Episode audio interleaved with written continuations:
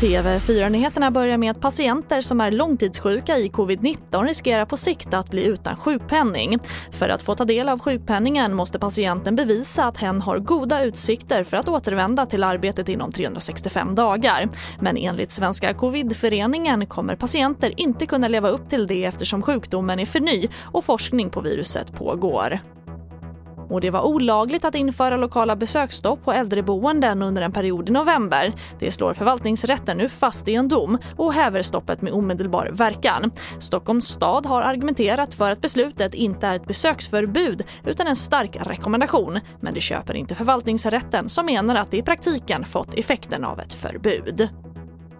Och vi avslutar med att polisen i Östersund utreder brott efter uppgifter om att elever på ett gymnasium i staden medvetet försökt bli smittade av coronaviruset. Rubriceringen är spridande av smitta och syftet ska ha varit att eleverna velat bli immuna till studenten i vår.